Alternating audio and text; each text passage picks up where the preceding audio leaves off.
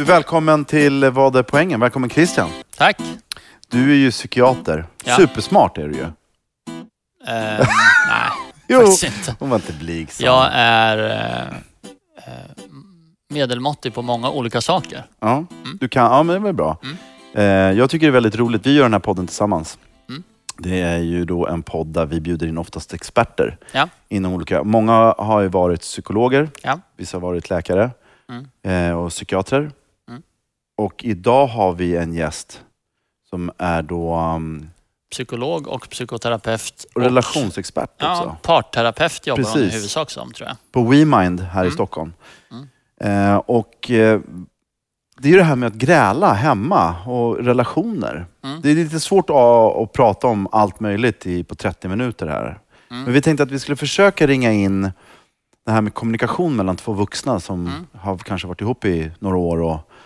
Det här med hur man, hur man kanske grälar eller hur man försöker få fram sin åsikt till den andra Mm. personen. För det kan inte vara alltid, det är inte alltid lätt Nej. att göra det. Och vi har ju vi har ju tidigare också i podden intresserat oss för hur man ska, vad ska man säga, hur, hur man ska få barn att eh, växa och lära sig saker och så. Och då har vi, tror jag, båda fascinerats av hur lite man pratar om hur två vuxna ska kunna bli bra på att vara tillsammans så att säga. Det är den boken du och jag vill Ja. skriva nu dessutom. vilka färdigheter man så att säga borde ha. Relationsfärdigheter kallades det här ibland och då ser man ju många par då som det gnisslar ganska rejält och båda är ganska hjälplösa att göra någonting åt det. Och idag ska vi försöka prata mycket om hur man grälar bra och lite vad man kan göra åt det här att man vänjer sig vid varann på gott och ont på lång sikt. Att det där att du var så himla kul i början och hade gråblå ögon.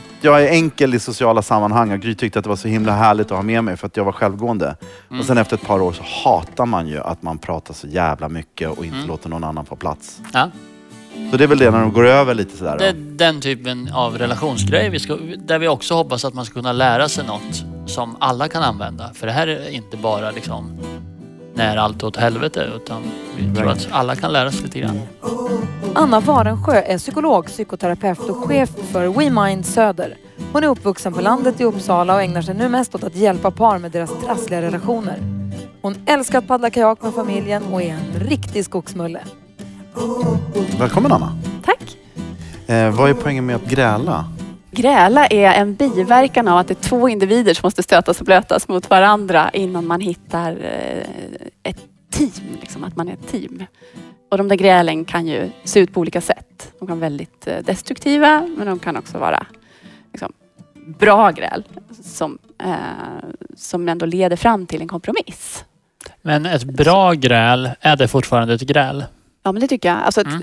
Om man tänker ett gräl, om man definierar det som att man blir upprörd, man kanske blir arg, man eh, liksom trissar upp stämningen och avbryter varandra och eh, kanske till och med liksom höjer, höjer rösten Mm. och sådär. Mm. Så det tycker jag absolut att man kan eh, göra även om man liksom har ett bra gräl. Mm.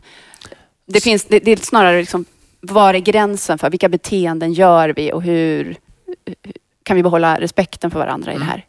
Och du eh, har ju en del tips kring hur man grälar bra Mm. och vad som är ett dåligt gräl. Skulle vi kunna rollspela ett dåligt gräl? Så alla förstår vilka specifika saker det är man menar med ett dåligt gräl. Eller du Mm. menar med ett dåligt gräl. Det låter Mm. jättebra. Okej Anna, så om vi tar ett exempel där du, vi provar där du och jag argumenterar och jag är bara en vanlig skitstövel som jag kan vara. Ja, exakt. Du behöver inte, bra. du behöver inte tänka. Okej, Liksom. så vi, så vi, eh, och vi, bro, eh, vi tjafsar om städning då eller? Ja, ja, precis. Eh, ja, men Alex, va, Mm. va, vad har du gjort hela dagen? Det är så jävla rörigt här hemma. Det är så, Det är inte så jävla farligt är det inte. va? Ja, men kolla på bordet. Det, är- det är liksom grejer Nu, nu, överallt. nu är det så här, nu gör du så här igen. Det är bara för att du vill ha ett perfekt hem. Eh, Alltså jag tycker, det, jag tycker inte det är Men, så alltså, farligt. du, du är ju hemma hela dagarna. Du måste ju kunna liksom, städa upp efter dig. Ja, men alltså, är jag har vad, ju Vad städat. gör du om dagarna? Jag fattar inte. Eh, vad du gör med din tid. Du är så, men alltså jag har ju plockat. lat. Jag har ju plockat. Vadå lat? Jag har ju gjort grejer. Jag har ju... Det är, ju- alltså, hade jag inte gjort någonting hade det sett ut som skit här. Du, det, det, har, det alltid, ser alltid ut så här och det blir aldrig bättre. alltid. Det är Du så, varför är det Ja. så här för? det blir aldrig bättre och det är liksom... Ja. Okej, nu, och kroppskropp, jag vänder mig om nu. Ja, Jag pallar inte lyssna på gud det. alltså. Och så ska du alltid bara dra iväg så fort man har något viktigt att säga till dig. Mm, mm. Mm. Det, det är precis som när vi pratar om ekonomin eller liksom, ja, semestern Varför, eller vad måste, som helst. varför alltid ett problem? Allting är ett problem för dig. Du ska alltid bara... Det finns... Det, Men det är kanske för du är problemet. Men det kanske är så nu. det är. Kan du inte bara vara Du- lite glad och tacksam för något? Det finns ju inget... Finns det, förlåt, är du glad för någonting överhuvudtaget? Du bara, Ja, det har väl inte finns med saken att Kan du inte bara göra, vara liksom, liksom? så här... Hej älskling, hur är din dag? Måste du, du bara kommer hem och så direkt bara... Men herregud, vadå hej? Men det är klart, man, det är klart, måste man heja på varandra? Herregud, vi har Ja, varit tillsammans hur länge som helst. Alltså vi har ju Va? ändå en relation, vi bor under samma tak. Mm. Ett liksom hej. Hej. Ja. Gud alltså. Ja, det var ju Duger verkligen det, äkta. Ja, Ja. superäkta. Bra. Ja. Hon lät ganska vänlig även om hon var arg måste jag säga. ja, eh, men... Hej då. Du som är expert och part, i parterapi så Mm. att säga. Det här är väl inte ett helt orealistiskt gräl? Nej, Eller? absolut inte. Nej, det är väl ett Nej. vanligt Utan det kan ju- svenskt husmansgräl så att säga. Precis, och det kan ju se värre ut. Liksom. Man kan ju gå till ännu mer personangrepp och, Mm. och så vidare. Eh, Just det, det vågade jag inte ens. Skrika högre och... Nej. Och du sa att du skulle svära, det Du- vågade du inte ens. Nej, det kanske jag inte gjorde. Jo, jävla sa du. Det, var, det var ändå ganska milt. Precis. Men, men eh, ja, du, precis, du var ju inte så himla otrevlig mot mig.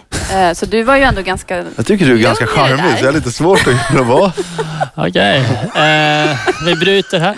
Nej då. Men eh, de van, de, vad är det för beteenden i det här grälet som du menar är typiska för ett dåligt gräl då? då?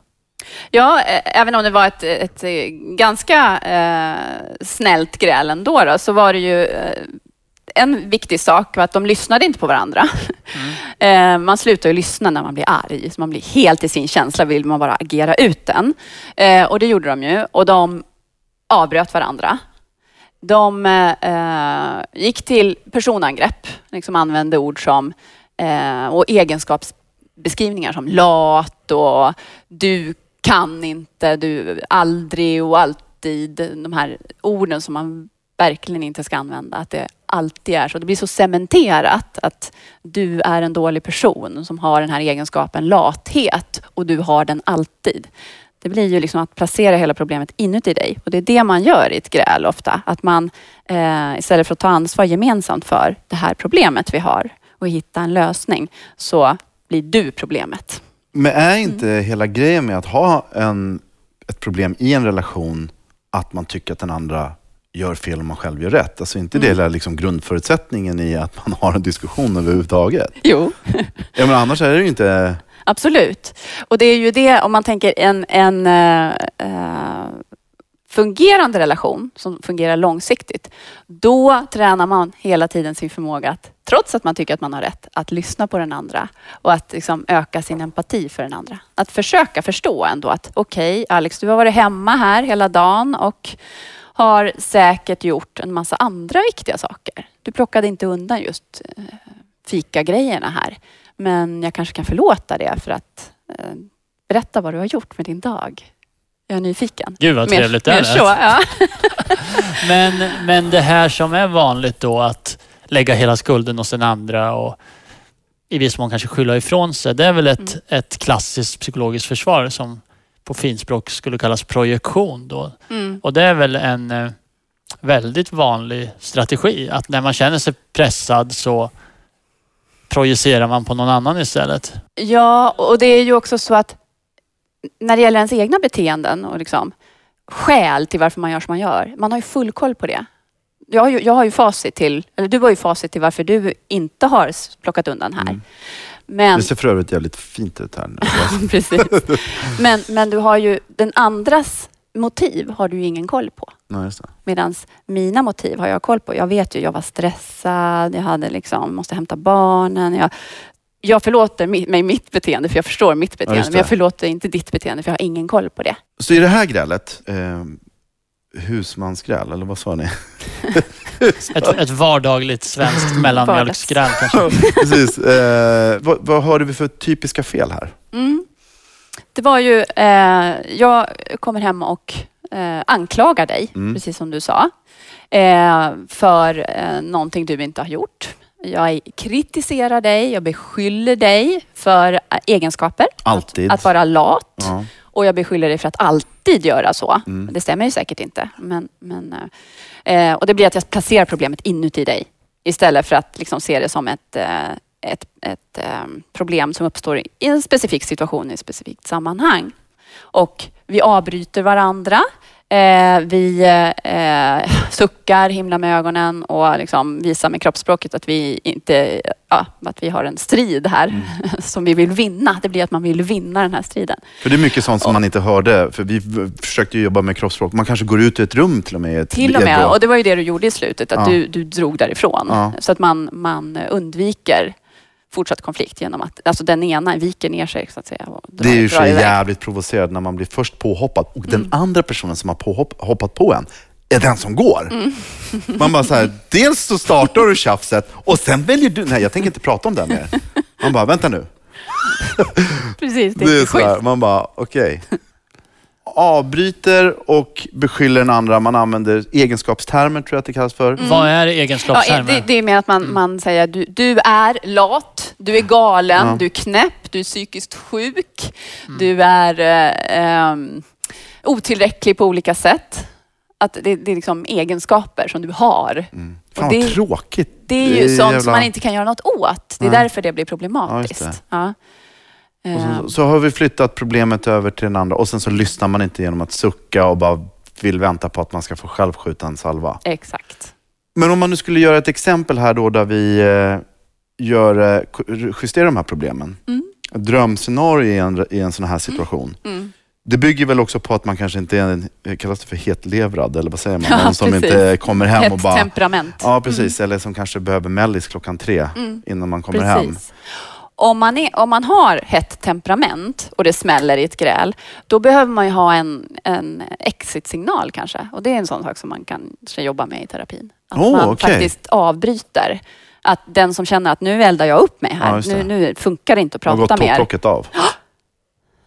Stopp, nu går vi, nu skiljer vi på oss och så försöker vi lugna ner oss Okej, så, först. att- så att det finns, om den förutsättningen, om den, det grundproblemet finns också hos någon person så kan man säga brödrost och då betyder det, Ja.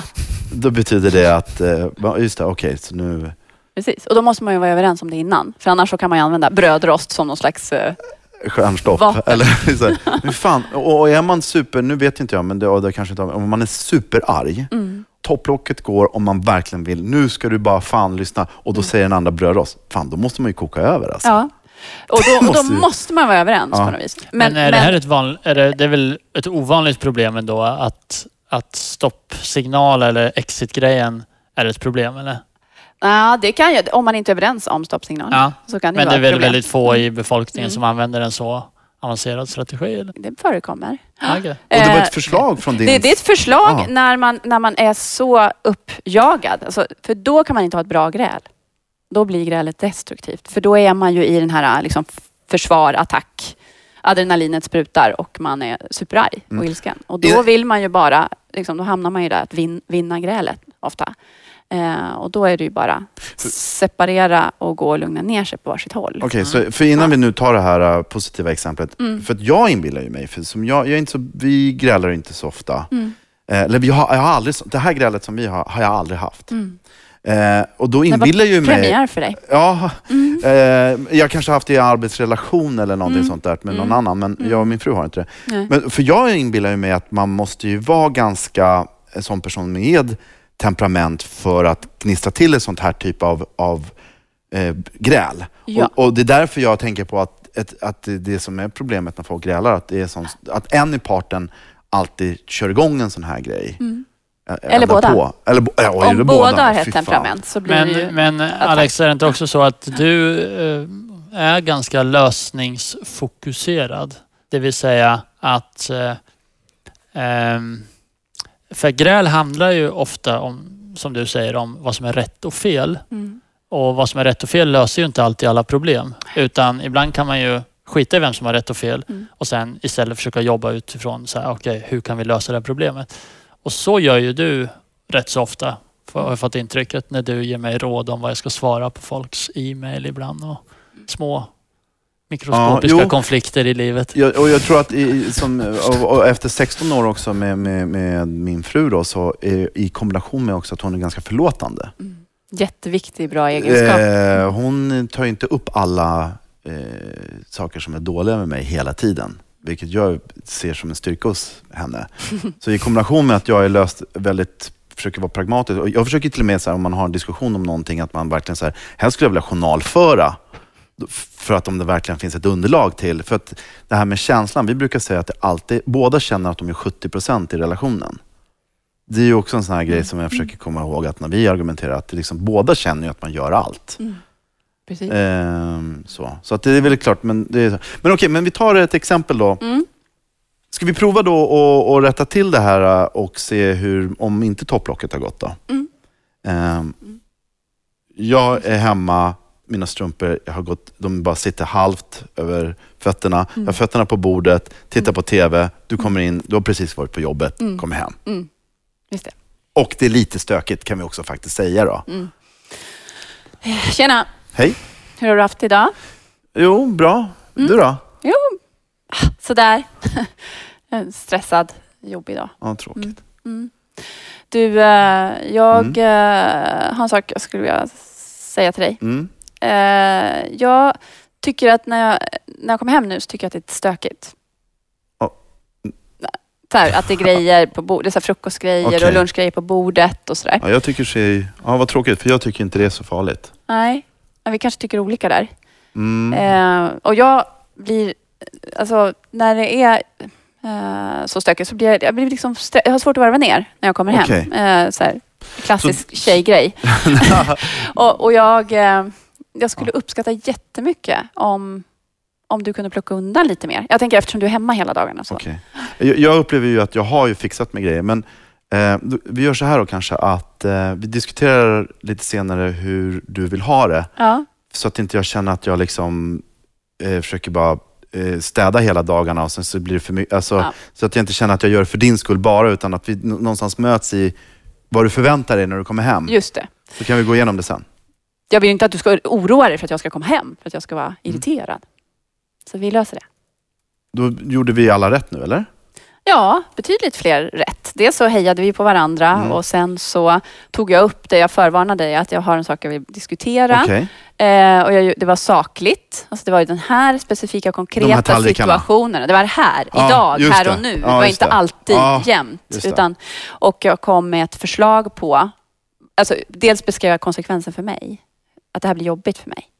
Och så kom jag med, ett förslag på hur jag skulle vilja att det var. Och du lyssnade på mig och jag lyssnade på dig. En pratade i taget. Vi hade inte det här negativa kroppsspråket. Det, såg, det hörs ju inte men vi liksom tittade på varandra. Vi eh, var vända mot varandra och så. Mm. Eh, så jag tycker det var ju betydligt bättre. Men, men det Mm. känns ju som att även om man lyckas, så för att lyckas med det så handlar det om att inte tappa humöret. Ju. Det är Ja. det som är- verkar vara... Verkligen. Som, Och gör man det, känner man att man är på väg att varva upp och blir sådär arg. Man känner ju hur hela kroppen är igång, liksom Mm. hjärtat slår och så. Då är det det här, att Är, bryta. är det här ett vanligt eh, problem bland, eh, låt mig säga, stressade småbarnsföräldrar som kanske har ett eh, begränsat utrymme av Mm. otroligt roliga aktiviteter för sig själva Mm. och mycket av vardagsslitage eh, slitage, så att säga. Va? Mm. Verkligen. Mm. Ja. Det är det ju. För då finns det liksom eh, någon slags, man är på ett underskott och, och då Mm. vill man skylla det på den andra Mm. kanske. För Precis, att, man, precis, Mm. man har ju sömnbrist och tidsbrist och orkesbrist och Mm. eh, ja, så är det lätt att det kokar över. Man har liksom Ja. inga, inga, inga resurser att ta av. mm. Mm.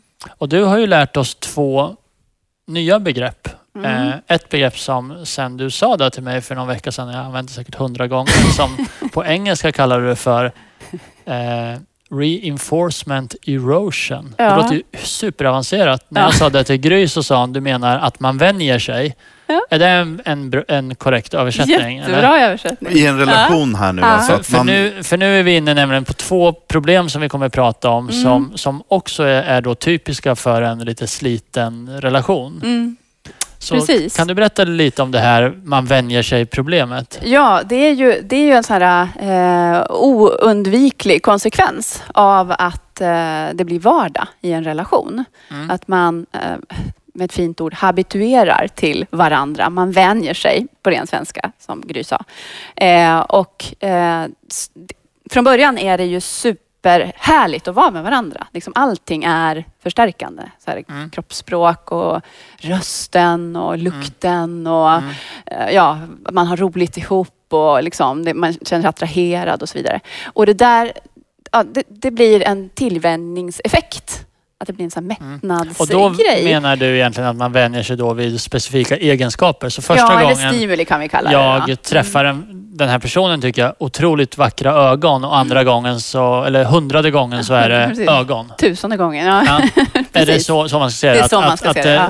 Att det, det här är någon slags gravitationskraft i en relation som man inte, Mm. som är ofrånkomlig. Ja, det är ofrånkomlig och det är gradvis att det, det är ett nötande som, Mm. som man kanske inte märker riktigt. Och så i, pågår det här i sam, sam, samtidigt som man går igenom, liksom gör olika rollförändringar. Man kanske Mm. går, karriärstegen tar fart och man skaffar barn Mm. och så vidare som gör att man får mindre tid för varandra och Mm. investerar i relationen. Mm. Och, och då blir det här eh, att man... Det blir tråkigt. Så den här ofrånkomliga eh, kraften då i en relation, att man vänjer sig med vid varandra och saker är inte lika spännande. Mm. Vad, vad gör man åt det? Ja, det, var- det, det, det är ju lite sådär äh, att det, det, smyger sig på. Mm. Så att man, man, äh, ja, men det man kan märka att det, det är lite tråkigt. Man vet vad den andra ska säga och man liksom känner den andra utan och innan. Och Mm. Det finns inga överraskningsmoment. Och, och det man har sett, ser liksom i eh, par där man, eh, eller i relationer där man behåller eh, nyfikenheten och eh, liksom, där, det, där det funkar, där man fortfarande trivs. Då, har man, då breddar man liksom beteenderepertoaren Det var hela ett fint ord. Ja, Vad betyder det? Att bredda Att, att man helt enkelt gör nya beteenden. Att man Mm. överraskar varandra. Att man eh, utforskar nya saker. Man kanske börjar med nya aktiviteter tillsammans. Man kanske ehm, gör eh, nya saker på varsitt håll så att man får input. Ny, nya samtalsämnen man ska, man ska prata med. Man Mm. kanske experimenterar sexuellt eller liksom hittar, hittar eh, nya spännande eh, saker att utforska tillsammans. Mm. Men det kan ju också vara i det lilla. Att man eh, eh, i, i vardagen. Liksom. Men som till exempel de som spelar golf när de blir pensionärer verkar vara ganska nöjda med det. När barnen blir stora och så Ja. spelar man golf. Är det Ja. sådana saker som du tänker att man kanske ska liksom se på om man kan hitta tillsammans? Det är ju en sak. Ja, hitta gemensamma intressen. För efter barnen, när barnen kommer så slutar man ju ofta att göra saker ihop överhuvudtaget. Ja, om- eh, så om- man glider isär. Liksom. Man har inget att prata om förutom det här vardagsroddandet. Mm. Och, eh, eh, ja, så det är ett sätt att både investera tid tillsammans och att hitta saker att prata om och gemensamma intressen igen. Men, men för de som är just upp, mitt uppe i vardagsroddandet då och lyssnar på det här och kanske undrar, men hur ska vi ha tid att eh, hitta på spexiga grejer medan vi byter blöjor och Ja, hitta på eh, bli så här härliga som hon föreslår. Ja, precis. Vad, eh, vad, hur, vad, för det är väl oftast då man behöver det som mest, när man Ja. känner att det är svårast att orka med det. Vad, vad är tipset då? då liksom? Ja, då får man liksom skaffa sig en nanny. Ja, men vänta nu. Alltså, Mm. tråkiga människor har ett tråkigt liv. Mm. Alltså någonstans så får fan... Alltså jag fattar att det är en Ja, fråga men, som eh, många... en del men av de alltså som är någonstans- tråkiga Wow. var inte tråkiga innan. Nej men alltså, är man, har man tråkigt så är man ju tråkig. Någonstans, är, Nej. är man två stycken som Nej. har tråkigt så är de ju tråkiga. Det är väl Nej. också liksom, det är väl inte så att Vad säger allting är- psykologen om, om det här ganska generaliserande beskrivningen? Men. Du får, du får nog utveckla för att jag ska förstå. nej men liksom Christian säger så här, men Du om man, det är använder internt där. egenskapsord nu känner jag. nej, nej, Mm. så Christian sa som ett exempel om man nu har liksom glidit in och så här.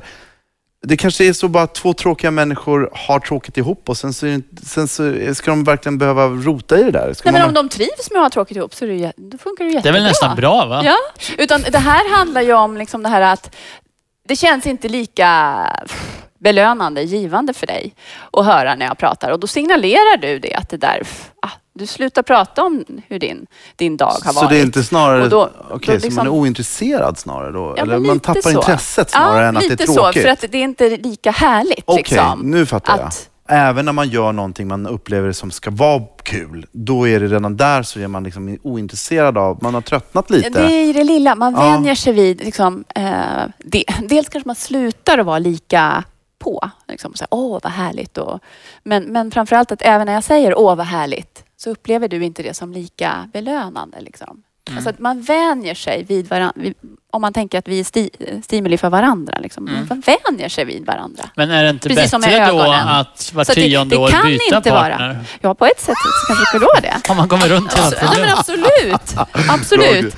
Det kan vara en lösning. Absolut. Om, om det är bra för alla. Om Fast- det, om det är det bästa för barnen också så är det... Ja, om de visste det redan var tionde år byter vi förälder. Men, du, men okej, så om man känner igen sig i att man typ eh, själv glider in i det här, som du, det här problemet. Vad kan man, kan, finns det någonting? Mm. Ja, ett sätt att liksom få igång det där igen, det är ju att man så här, äh, tänker igenom vad, vad har tidigare varit sånt som min partner har gillat? Gör en lista på det och så börja göra beteenden Kan i det- smyg mot partnern. Kan, kan det bli att man, fast man är för gammal, börjar gå ut och festa för mycket och, så Ja. här, och, och bli, skämmer ut sig? Eller skämmer ut. Ja. Men, men att allt som, som vitaliserar. Ja. Ja. De som kommer till dig för parterapi, Mm. är det ofta så att båda eh, så att säga upplever Alltså båda tycker att det är ett problem. För, för jag, jag tänker mig att många pardiskussioner kan präglas av att en tycker att det är ett problem Mm. och den andra säger att det är inte ett Mm. problem. Och då är det väldigt svårt att Ja. diskutera. Precis. Eh, nej, det behöver inte alltid vara så att båda tycker det är ett problem. Mm. Eh, men det är ju eh, det är viktigt att man får med båda på tåget för Mm. att det ska bli en parterapi eller en bra, Mm. en bra eh, liksom, parterapi.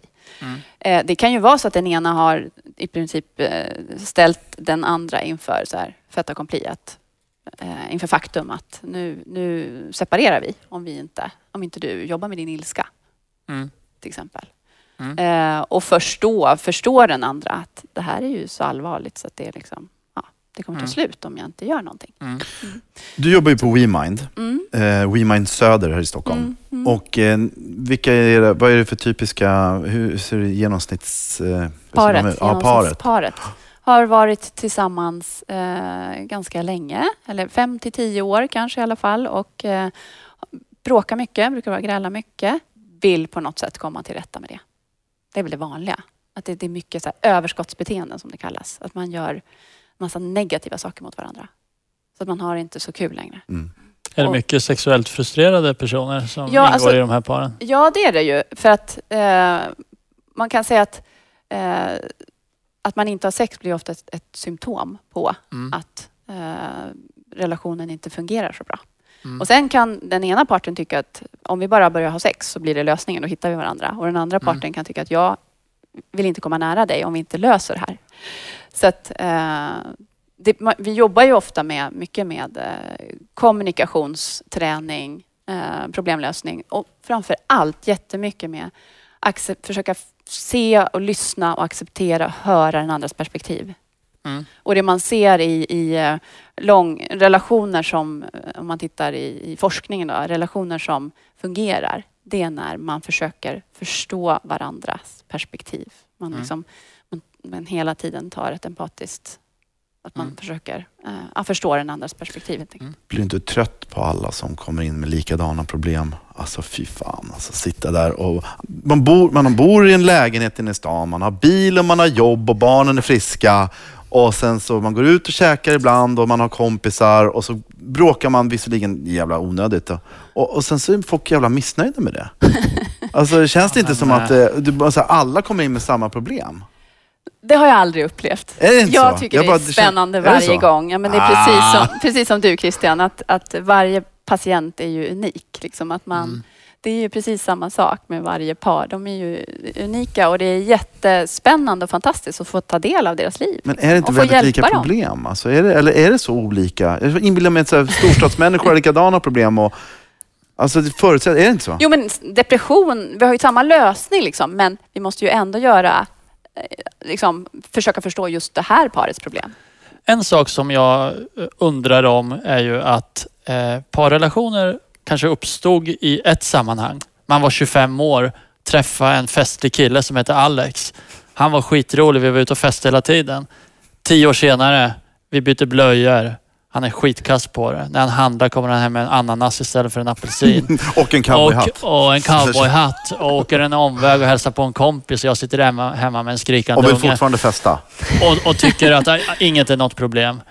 Eh, och det var jättekul för tio år sedan. Men tio år senare är vi i en helt nytt sammanhang Mm. som inte alls ingick i min föreställningsvärld när jag gick in i den här relationen. Mm. Och hur, hur hanterar man de här skiftena av roller genom livet där plötsligt nya utmaningar ställs som man inte riktigt hade en aning om när man blev ihop med en människa. Mm, mm.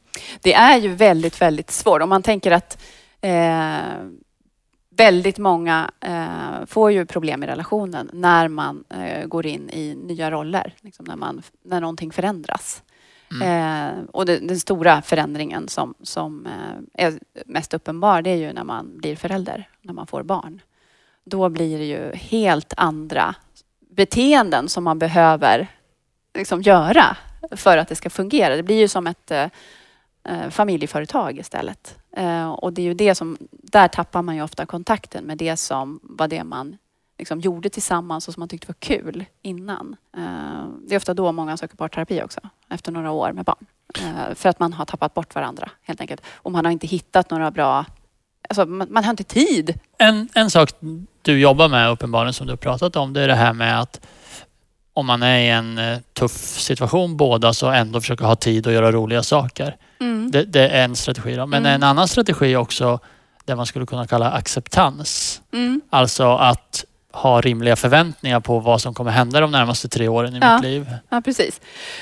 Jag har, eh, vi har eh, kompisar som, som eh, eh, verkligen var så bra på det när de gick in i det här med att få barn. Att nu spottar vi näven och så kör vi några liksom, riktigt tunga så här, skitår. Så här. Ja.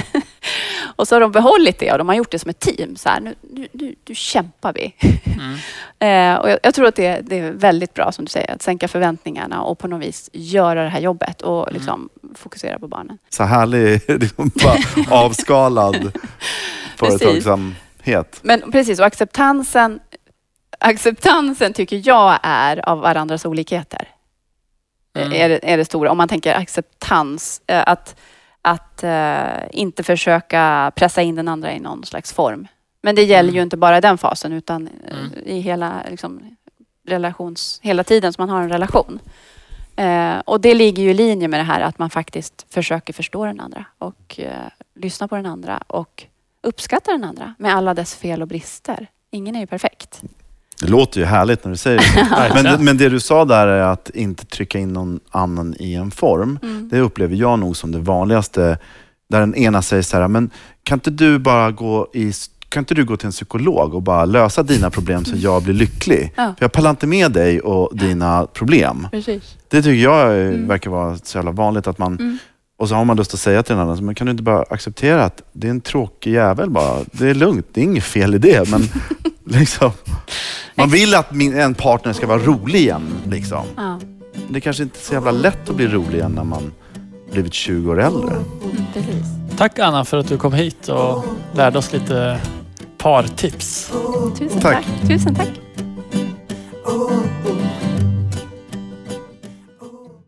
Ett poddtips från Podplay. I fallen jag aldrig glömmer djupdyker Hasse Aro i arbetet bakom några av Sveriges mest uppseendeväckande brottsutredningar. Går vi in med hemlig telefonavlyssning och, och då upplever vi att vi får en total förändring av hans beteende. Vad är det som händer nu? Vem är det som läcker? Och så säger han att jag är kriminell, jag har varit kriminell i hela mitt liv men att mörda ett barn, där går min gräns. Nya säsongen av Fallen jag aldrig glömmer på Podplay.